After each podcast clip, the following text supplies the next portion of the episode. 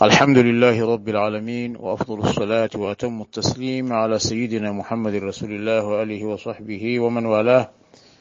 أما بعد فنواصل في قراءة ومذاكرة كتاب مناهج الإتقان إلى تحقيق مقاصد الإحسان. الحلقة العاشرة عنوان درسنا الرفقة في الطريق. تقديم ومذاكرة محمد كرم يوسف معروف.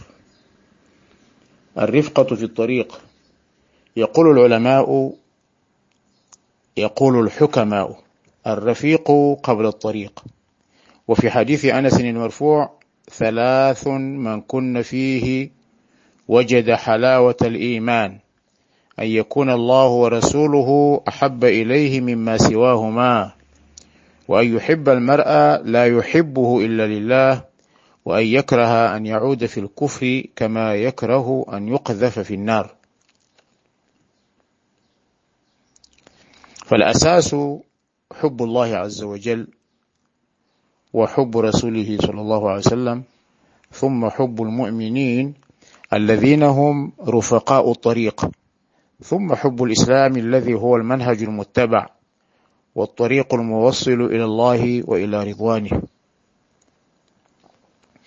وإلى ذلك الإشارة بقوله تعالى يا أيها الذين آمنوا اتقوا الله وكونوا مع الصادقين.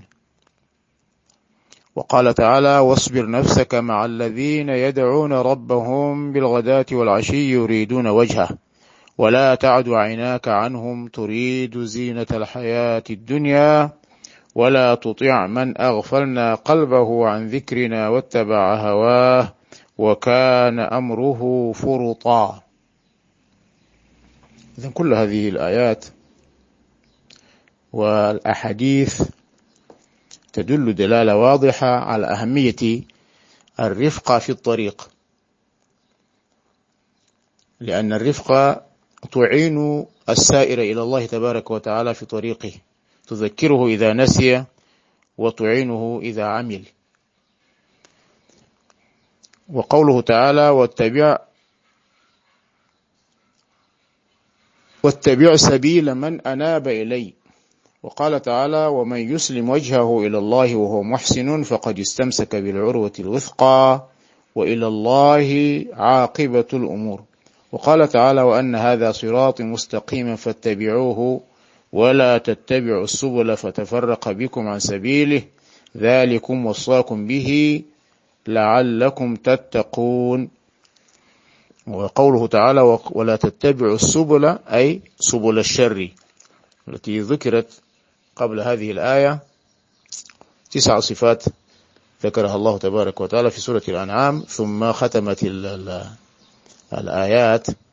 بقوله تعالى وأن هذا صراطي مستقيما وهو صراط الله تبارك وتعالى وهو الإسلام وهو طريق النبي صلى الله عليه وسلم والمنهج الذي جاء به صلى الله عليه وسلم. المؤمن يكون مجتنبا للسبل المؤدي المؤدية إلى غضب الله عز وجل وإذا وإلى آآ آآ ناره وعذابه. يفهم من هذه الآيات ثوابت أجمع عليها أهل المعرفة بالله. وقد صدقت على أصحاب رسول الله صلى الله عليه وسلم قبل غيرهم. فكل من جاء بعدهم أي بعد أصحاب رسول الله فهو تابع لهم ومقتد بهم.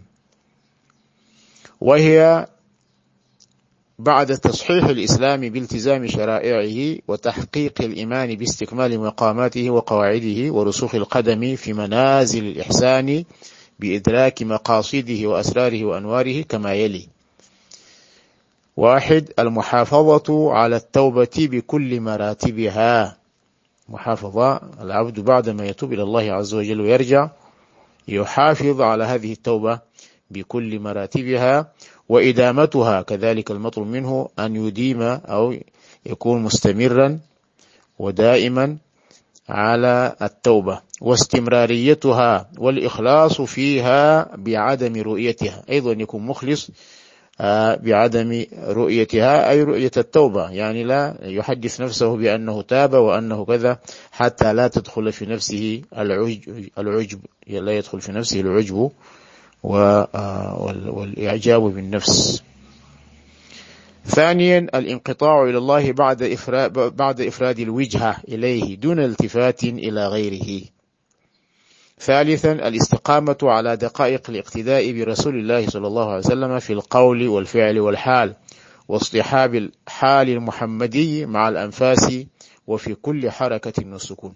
يستقيم على دقائق الاقتداء برسول الله صلى الله عليه وسلم في أقواله في القول أي العبد بالنسبة عندما يتكلم يتكلم بما يرضي الله عز وجل ويفعل كذلك ما أمر الله تبارك وتعالى به ويكون حاله كذلك آه، مقتديا بحال رسول الله صلى الله عليه وسلم مع الأنفاس أي مع حفظ الأنفاس. الأنفاس هي يحافظ عليها لا يخرجها إلا آه، بذكر الله تبارك وتعالى.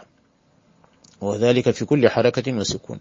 أربعة التحصن بلباس التقوى بكل معانيها. يكون متحصنا بلباس التقوى من يقظة وحضور ونزع لجميع جميع ونزع جميع الأغيار. يكون نازعا لجميع الأغيار بعد اتقاء المحرم واتقاء الشبهة واتقاء مظاهر الشرك كلها. يكون متحصن بلباس التقوى يكون متيقظا وحاضرا ونازعا أي متخليا عن الأغيار. يكون متقيا المحارم ومتقيا للشبهة وكذلك متقيا مظاهر الشرك كلها. خامسا ثبوت القدم في مقام الصدق. بعد ذلك يكون ثابت وراسخ في مقام الصدق والإخلاص والطمأنينة. سادسا لزوم الحضور مع الأنفاس الحضور مع الله عز وجل ومراقبة الله تبارك وتعالى مع الأنفاس أي مع حفظ الأنفاس في المراقبة لله عز وجل والمشاهدة. يشاهد الله عز وجل وتجليات المعرفة. كل ذلك يكون ملازما له وحاضرا مع أنفاسه غير غافل. سابعا تحمل انكشاف نور الفتح بعد الحجاب بالتزام الذكر المطلق في جميع الأحوال في العبادات والعادات للبقاء في أنوار أسرار الحضارات وإلى جميع ذلك الإشارة بقوله تعالى وعلى الله قصد السبيل ومنها جائر ولو شاء لهداكم أجمعين. وقال تعالى وله الدين واصبا أفغير الله تتقون؟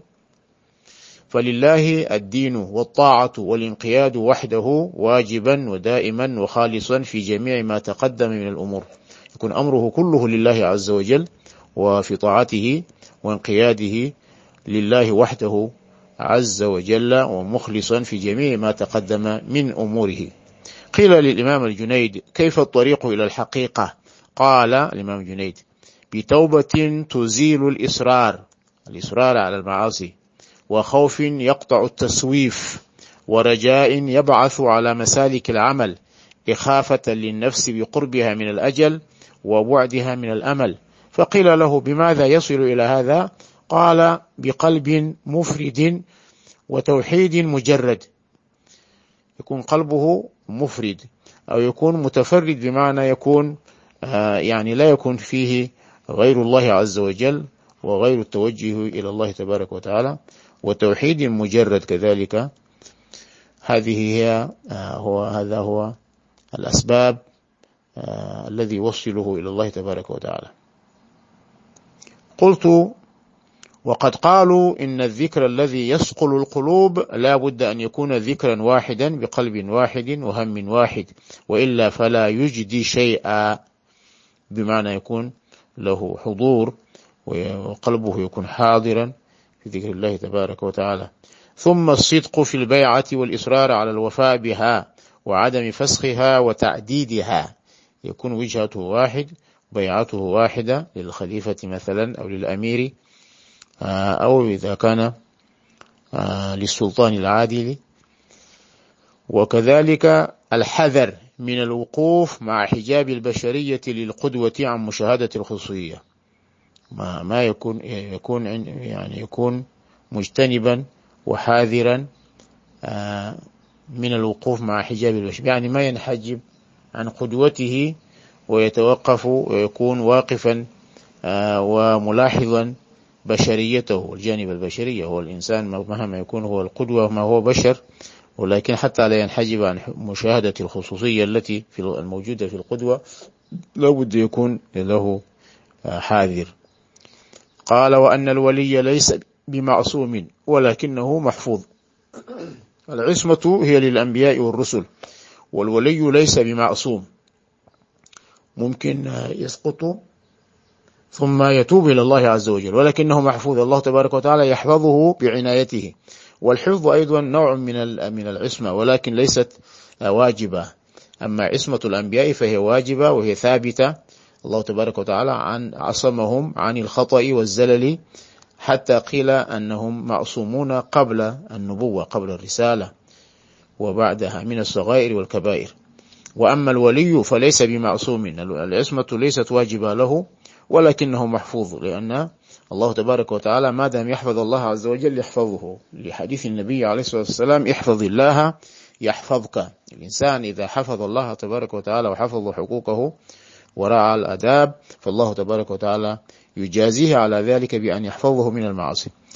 وعلى ذلك تدل الإشارة في قوله تعالى إن الذين اتقوا إذا مسهم طائف من الشيطان تذكروا فإذا هم مبصرون.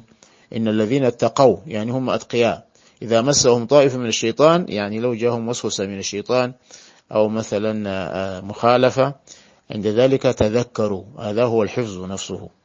تذكروا الله تبارك وتعالى وعظمة الله عز وجل فإذا هم مبصرون. فإذا هم مبصرون يعني يبصرون الطريق ويرجعون إلى الله تبارك وتعالى. وفي الحديث ألا لا إيمان لمن لا أمانة له ولا دين لمن لا عهد له ومن نكث ذمة الله يطلبه ومن نكث ذمتي خاصمته ومن خاصمته فلجت عليه. هذا حديث النبي عليه الصلاة والسلام. ألا لا إيمان لمن لا أمانة له.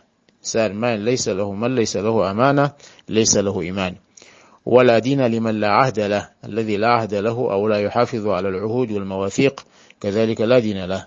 لأن هذا نقض العهود والمواثيق هذا من صفة المنافقين. ومن نكث ذمة الله يطلبه يطلبه الله تبارك وتعالى. ومن ومن نكث ذمتي أي ذمة رسول الله صلى الله عليه وسلم خاصمته. ومن خاصمته فلجت عليه بمعنى ظفرت عليه أو غلبته. من خاصمه النبي صلى الله عليه وسلم يظفر عليه ويغلبه. وصلى الله على سيدنا محمد وآله وصحبه ومن والاه. نواصل إن شاء الله تعالى.